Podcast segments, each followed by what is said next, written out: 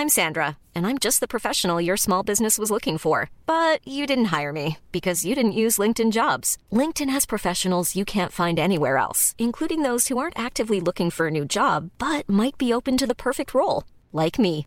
In a given month, over 70% of LinkedIn users don't visit other leading job sites. So if you're not looking on LinkedIn, you'll miss out on great candidates like Sandra. Start hiring professionals like a professional. Post your free job on linkedin.com/people today. Hey, how you doing? Heel hartelijk welkom bij Julia. Okay, meet me at the bar in 15 minutes and suit up. 이 자리에 오신 여러분을 진심으로 환영합니다. Listen to what Mr. Shelby has to say. Content Wars, de zomereditie. Content Wars gaat niet op vakantie, maar komt juist met hete content. De komende weken hebben we afleveringen die te maken hebben met de zomer. We bespreken formats telkens aan de hand van iets dat doet denken aan deze tijd van het jaar.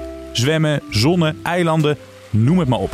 Mijn naam is Jelle Maasbach en tegenover me het zonnetje in huis, formatontwikkelaar Kirsten Jan van Nieuwenhuizen. Bekend van programma's als That's the Question, Singletown, tv-makelaar en hij zat in het team dat Big Brother ontwikkelde. En deze aflevering hebben we het over.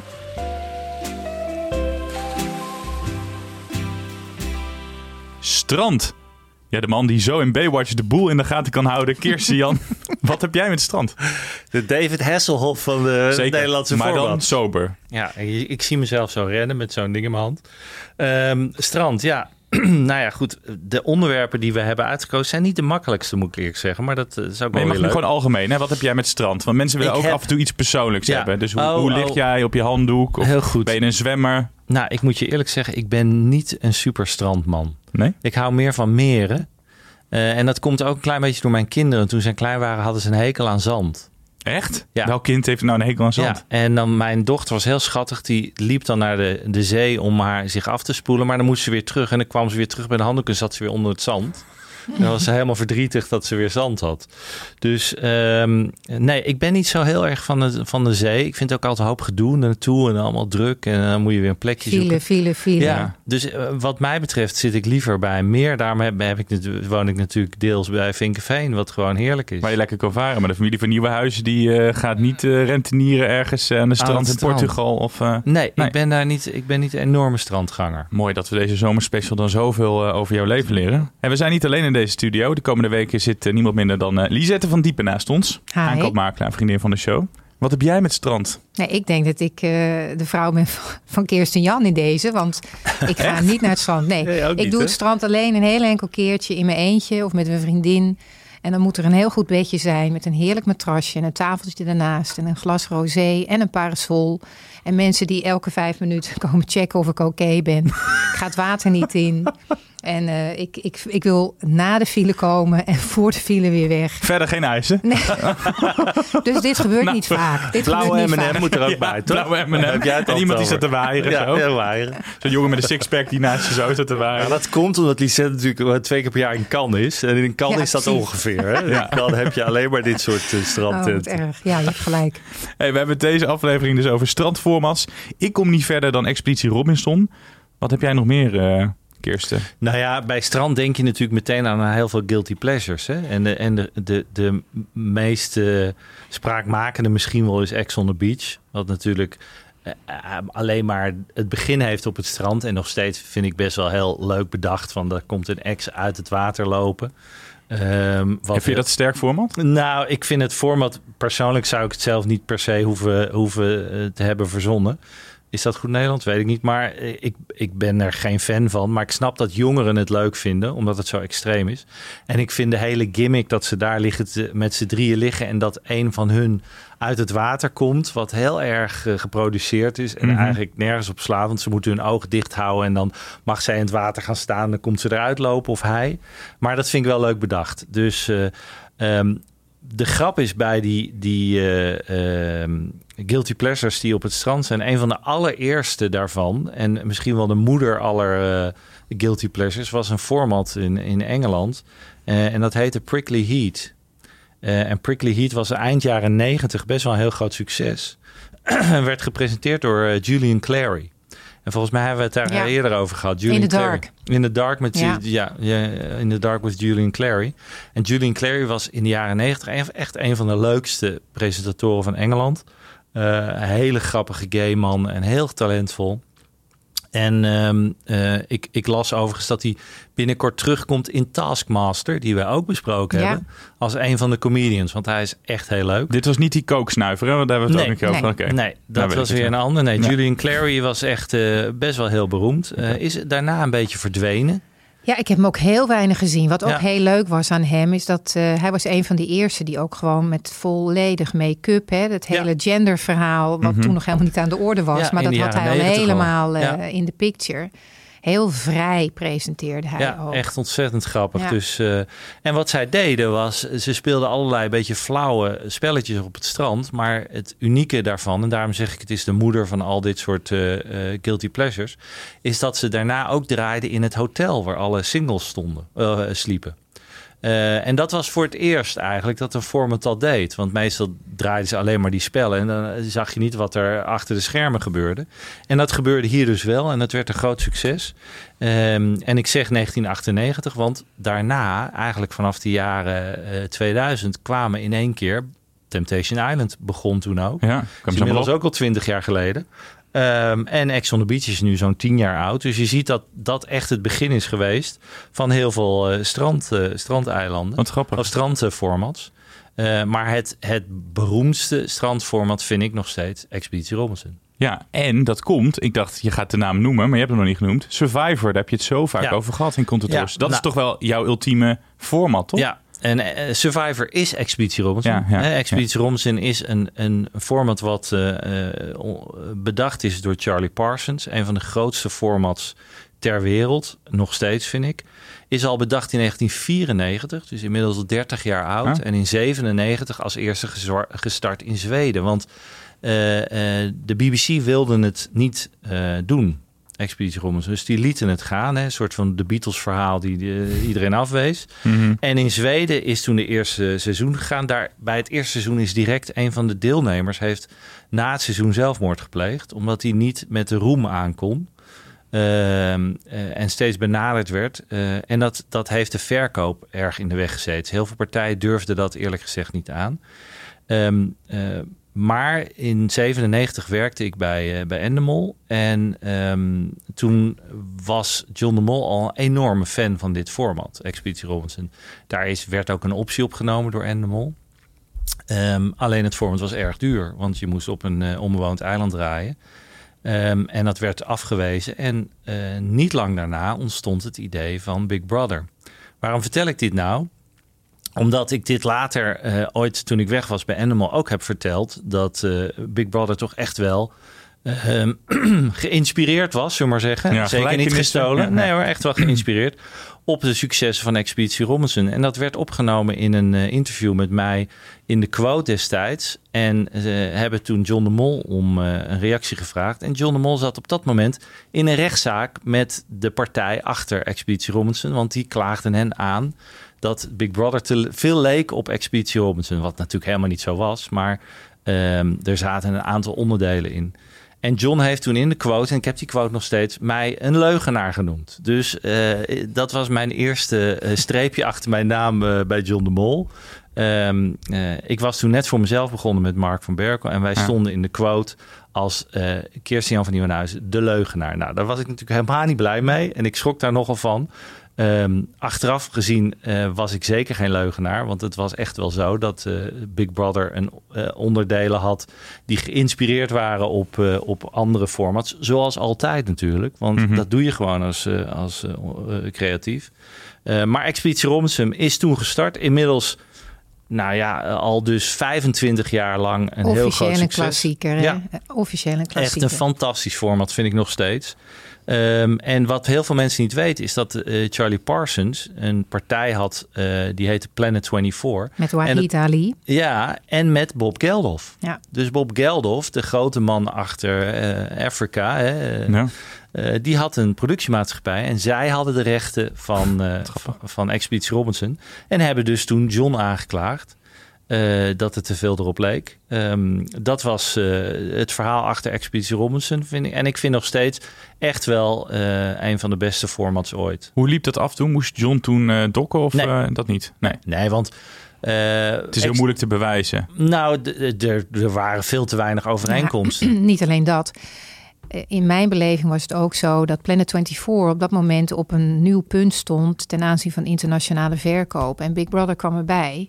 En dat was eigenlijk best irritant. Ja. Dus eh, ze hebben op deze manier ook gewoon geprobeerd om hun eigen verkoop verder te stimuleren. Ja, nou ja, kijk, het unieke van Expeditie Robinson destijds was dat de kandidaten elkaar eruit gingen stemmen. En dat was een van de eerste formats waar dat gebeurde. En dat gebeurde ook in Big Brother.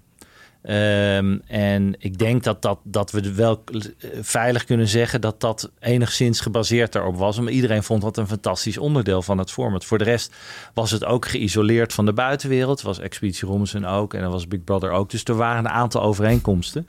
Eh, maar Big Brother was heel duidelijk een heel ander format.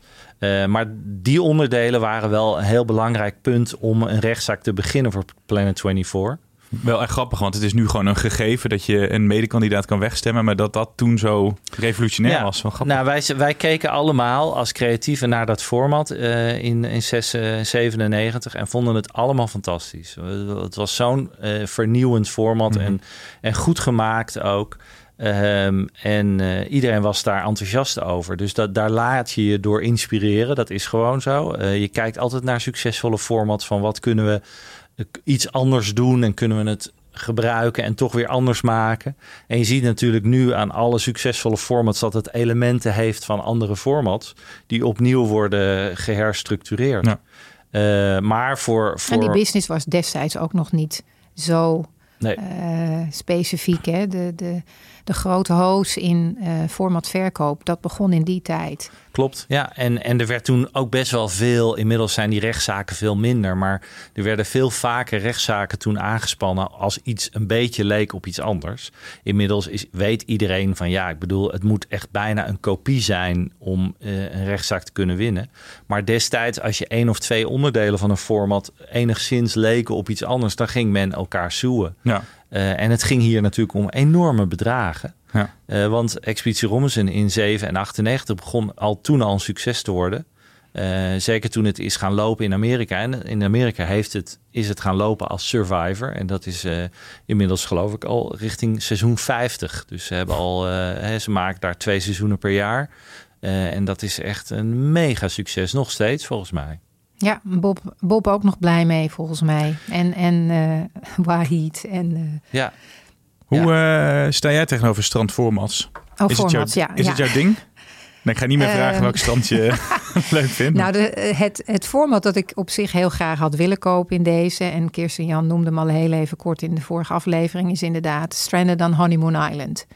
En dat is ook een heel leuk verhaal. Hè? Ja. Dus de, de creatieven in Denemarken die achter Married at First Sight zaten... Mhm. en kopen zonder kijken. En kopen zonder Ja. kijken, inderdaad. Eh, die partij eh, is gaan ontwikkelen voor de internationale markt. Zij, zij beseften dat het in Denemarken zelf heel lastig was om een groot reality format te verkopen. Kwamen met dit op basis van al hun expertise natuurlijk die ze hadden verzameld. En hebben Stranded on Honeymoon Island verkocht aan VTM. Dat is daar gaan lopen op VTM 2. En ondertussen zijn er geloof ik zeven. Maar goed, het kunnen er ook meer zijn geweest. Maar er zijn al zeven internationale versies aangekondigd. En Stranded on Honeymoon Island neemt vier stellen die na een speeddate avond aan elkaar gekoppeld zijn door de experts, à la First Sight. En het volgende moment dat ze elkaar zien, staan ze op een steiger vlakbij een prachtig, exotisch, onbewoond eiland in hun trouwkleding. En dan worden ze op dat moment eh, getrouwd door de ambtenaar. En voor het eh, mooie shot mogen ze nog even op een bootje, speedbootje stappen. En worden dan dichter naar het, eh, naar het eiland toegevaren. En vanaf dat moment moeten ze vanaf de boot in hun trouwkleding de boot afspringen, het water in en zwemmen naar het eh, Honeymoon Island. En daar begint hun honeymoon en de ervaring van hun leven. En het is natuurlijk helemaal niet alleen maar roosgeur en maneschijn. Zo ziet het er in het begin even uit. Maar het is echt een geweldig nieuw reality format dat een van de hits was op de afgelopen beurs. We hebben het er al heel even over gehad. Ja. Dus dat was eh Stranded on Honeymoon en dat Island. had jij graag aan willen kopen, zeg Ja, dat zijn natuurlijk gewoon eh, ja, ook wel klassiekers op een bepaalde. En, en ik heb zelf nog niet een heel groot reality format op een strand aangekocht. Dus het was op zich gewoon heel leuk. Want die guilty pleasures die ik eerst net aanhaalde, had jij dat soort dingen ook willen aankopen? Ja, tuurlijk. Je hebt allemaal.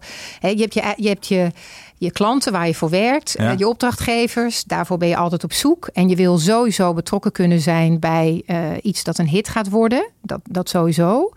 En je hebt je persoonlijke Ja. eh, favorietjes of je dingen waar je zelf blij van wordt. Ja, want ik stelde net volgens mij gewoon de verkeerde vraag van eh, wat vind jij leuk? Maar daar gaat het helemaal niet om. Jij moet wat aankopen en jij kijkt misschien liever niet naar eh Ex on the Beach, maar misschien Hmm. weet je wel dat kan scoren. Tuurlijk, je bent als aankoper heel vaak aan het kijken en, en enthousiast aan het worden over dingen die je thuis helemaal niet aan zal zetten, wellicht.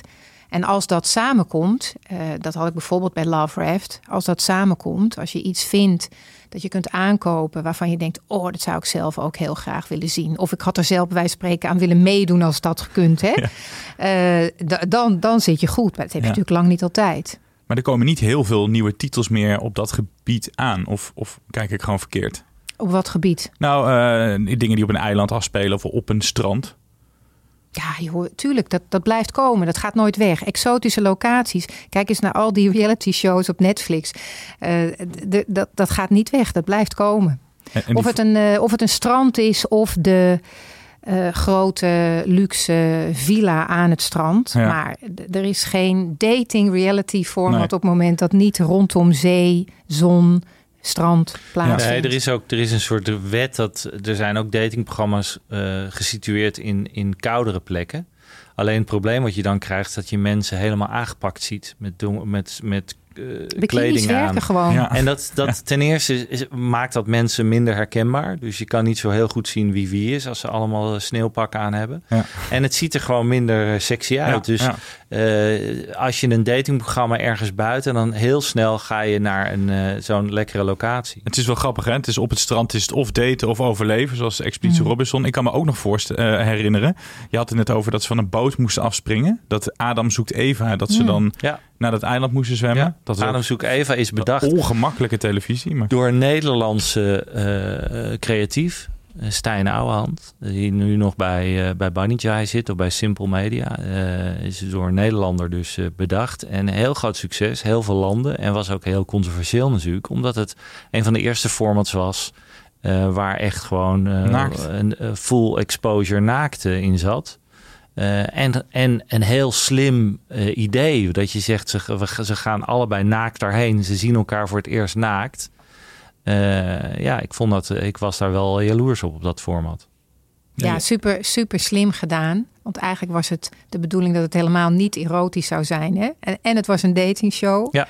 Ehm, maar inderdaad, naakt is toch weer wat anders in reality dan eh eh, hard bodies in, eh, in goede bikinis. Ja, ja en met, met strand, het, jij zegt, komt er nog wat aan? Het, het, de moeilijkheid voor creatieven natuurlijk is van verzin maar weer is iets anders wat in die eh, locatie of in die arena speelt en wat toch weer op een bepaalde manier origineel is. En zo'n eh, ehm, Honeymoon Island is dan weer heel slim bedacht. Dat zijn ook weer elementen van andere formats die weer tot iets nieuws leiden. Eh, en daarin gewoon ongetwijfeld eh, succesvol. De grap is bij de zulke soort formats. Sommige formats kan je verkopen op een mood tape. Hè? Dus Mm. op iets wat je. En eh, wat Lisette net schetst, van dat ze Ja, op zo'n plank en de- het, wa- het water in moeten springen. Ja. En dan daar verkoop je een format Ja. op. Ja. Want daar denk je van, oh, dit is al zo grappig en zo leuk. En dan moeten ze elkaar ook nog leren kennen. Ja, er zijn dat- ook daar weer een heel veel varianten inmiddels van. Hè? Van mensen die eh, Ja. moeten overleven als de- met daten. Zeker. Ja, die, die, die trailer die heeft het echt gedaan. Hè? Dan ga je als aankoper eh, direct aan, omdat je ook weet van wie het komt. En je wil per se mee kunnen doen aan het gesprek met degene die Married at First Sight hebben bedacht. Want stel je nou toch eens voor dat je hier de volgende Married at First Sight te Nou, pakken hebt als ja. aankoper. En dan die trailer, ja, was echt geweldig. Ja, en dan nog even een laatste puntje. Uh, ik heb het natuurlijk vaker over dat Nederland meer Nederlandse formats moet uh, stimuleren. Mm -hmm. Je hebt het hier over een Deens format. Als er één land is die hun eigen creatieve sector stimuleert, is het wel Denemarken. Dat doen ze zowel op dramagebied, waar fantastische series en films vandaan komen. Veel beter dan nog in Nederland. Maar dus ook op formatontwikkeling. Als je dus ziet dat één partij Merit at First Sight en Kopen zonder kijk ontwikkelt. En dus weer dit format die wereldwijd gaan, waar heel veel geld mee verdiend wordt en die heel goed is voor die industrie. Um, dan kan Nederland echt wel wat leren van Denemarken. Wat maar een heel klein landje is hè, met 4 of 5 miljoen inwoners. Ja, maar wel even toch de kanttekening dat dit format eerst in België, nog veel kleiner dan Nederland, ja. gelanceerd moest worden voordat het naar Denemarken zelf terugging. Hè. Dus de Belgen hebben ja gezegd op iets dat nog nergens in Denemarken Nee. liep. Vind ik ook echt knap. Ook knap. En dat ook daar weer voor België. In België gebeurt momenteel veel meer dan in Nederland. Hè. België is ontzettend hot internationaal. Komen allerlei hele goede formats vandaan. Nemen veel meer risico. Worden veel meer gesteund door allerlei belastingvoordelen enzovoort. België, Denemarken. Ze zijn veel beter bezig dan in Nederland, vind ik daarin. En Nederland moet gewoon eens kijken naar die landen en denken: wat kunnen wij doen? Wat kunnen we belastingtechnisch doen voor investeerders? Om gewoon die creatieve sector weer een boost te geven. Want we zijn het gewoon aan het verliezen als je kijkt naar die landen. Is dit een oproep van Kirsten van Nieuwenhuizen uh, voor belastingverlagingen? Nee, voor, uh, voor tax shelters in de zin van, hè, zo heet het geloof ik in België, tax shelter België, I don't know, zoiets. Uh, om mensen te stimuleren om te investeren in dit soort dingen. Ja. dus het is geen belasting voor, dat is gewoon, nee. als, je, als je het risico wil nemen om in dit soort creativiteit te investeren, mag je best wat terugverdienen. En ze zoeken ook nog wat mensen in Den Haag, hè? dus mocht je je geroepen voelen. Nou ja. Zoeken nog een toekomstig premier, maar ook nog een Kijk, paar moet... fractievoorzitters. Ja, nou ja, dat, dat is niet zo mijn stilo. Maar uh, ik vind wel dat er in, als er een nieuw kabinet komt, moet er gewoon wat gebeuren. En ik vind gewoon dat de NPO, ik blijf het de hele tijd roepen, NPO. Ga gewoon investeren. Die, die, draaien hem nu zachter daar bij de NPO. Denken ze, komt hij weer? Komt hij weer? Oproep. Ja, hey, ik, ik, ik, blijf het gewoon roepen. Heel punt. goed. Dat is weer een tip van jou. Over tips gesproken. We sluiten altijd af met een tip van jou. Ik kijk even naar links, naar Lisette. Heb jij nog een leuke zomertip? Mag ja, zijn. ik heb een hele, hele, hele leuke zomertip. Um, maar ik, ik, misschien hebben mensen hem al gezien. De Wham documentaire oh, ja, op Netflix. Is die ja, als je het hebt Ah, over zomer en vakantie ja. en uh, Young Guns en Trop uh, Club Tropicana, ga hem kijken. Echt niet alleen gewoon voor, voor mijn generatie uh, prachtige televisie en heel veel herinneringen. Maar ook gewoon de erkenning voor Andrew Ridgely. Sowieso eigenlijk ongelooflijk. George Michael, zijn talent voor uh, nummers te schrijven op zo'n jonge leeftijd. Mhm. Mm -hmm. ik, ik, ik, stond daar helemaal niet bij stil destijds. Maar die was, die was 17 of zo toen hij die nummers schreef. Dat was al geweldig. Maar zonder Andrew Ridgely was George Michael er echt nooit geweest. En die krijgt echt heel veel goede credits. En het is geweldig lekkere vakantietelevisie. Uh, dus ga die kijken. Oh, leuk. Ja, ik, ik wil een leukere kijken. tip die jij uh, meestal brengt. ja. ik denk dat voor dat gewoon Alizet gaat vragen. Bedankt. Heb jij een tip? Jelle, ja, bedankt Jelle. Het is echt nou, vakantie. Nee. Hartje, hartje. Oh god, ja, nou ja. Ik, ga daar ik, nog maar eens overheen. Ja, ga daar nog maar eens overheen. Kom nou, jij ik weer heb, met zo'n obscure tip van Videoland waarschijnlijk. Ik heb een heel andere tip oh, inderdaad. Sorry. Ik hoef onze... het niet wekelijks te doen, hè. Ik kom er nee, één keer heen brengen. Uh, nou ja, ik heb een tip van HBO Max, onze favoriete streamer, nog steeds. nog steeds en sponsoren ze niet, maar kan sinds, nog steeds, hè? Ja, sinds net is daar een nieuwe serie en dat is van een best wel hele bekende regisseur eh, Steven Soderbergh, wat die hele goede films heeft gemaakt. Die heeft een hele spannende serie gemaakt, die heet Full Circle. En Full Circle is met uh, Claire Danes, de hoofdrolspeelster uit Homeland. Um, een fantastische serie die gebaseerd was op een Israëlische serie weer. Mm -hmm. um, en uh, een van mijn andere favoriete acteurs, Timothy Olyphant. En Timothy Olyphant is van Justified. En Justified is ook weer een hele... Als je die nooit gezien hebt, ga die proberen te kijken. Fantastische serie. Er komt ook binnenkort een nieuw seizoen aan. Uh, die loopt, meen ik al, in Amerika... maar die moet nog naar een Nederlandse streamer komen. Deze serie bij HBO Max, die heet Full Circle. En Full Circle is een, gewoon een hele spannende spionageserie... Uh, van Steven Soderbergh. Dus dan weet je, dat is echt wel goed. Ehm, en eh, die staat net op HBO Max, dus die is, eh, die is daar net begonnen. En eh, ja, ik vind dat wel een tipje. Die kan misschien niet tippen aan... uh, nee, deze, je hebt me, je hebt me. Die lijkt me ook echt tof. Kijk, fijn. Dat we Heb ik er ook nog één, en dat doen we ook nooit. Oh. Eh, The Lincoln Lawyer op Netflix. Ja. Eerste seizoen vond ik supergoed over een advocaat. Die is eigenlijk een lage wal geraakt. Die moet in één keer een vermeende moordenaar moet die bijstaan. Eh, ik zal niet eh, te veel daarover vertellen. Hij wordt in ieder geval weer in één keer the man. Hè? Echt de, de, de beste advocaat van, eh, van LA. En dit eh, borduurt daarop verder. Tweede seizoen, hè? Ja, alleen ze hebben het weer in twee delen geknipt. Ik vind dat zo treurig. Ik had Ja. dat niet eh, door. Dus ik zat in een heel spannende vierde aflevering. En er staat het tweede, tweede deel vanaf 3 augustus. Oh, nou, dat valt dan nog mee. Mm. dat valt nog wel mee, Soms het tweede deel is een jaar later. Ja. Ja, nou ja, we- daar moeten we rekening mee gaan houden dat alles eh, in twee delen Ja. geknipt Waar we ook rekening mee moeten houden is dat het het einde is. Ach, Maar het einde. goede nieuws is, we zijn de volgende week weer. En dan hebben we het over vakantie. En dan ben jij er ook weer, Lisette. Ik kom gewoon weer terug. Lisette van Diepen, dankjewel. Kirsten Jan van Nieuwenhuizen, ook bedankt. Tot volgende week.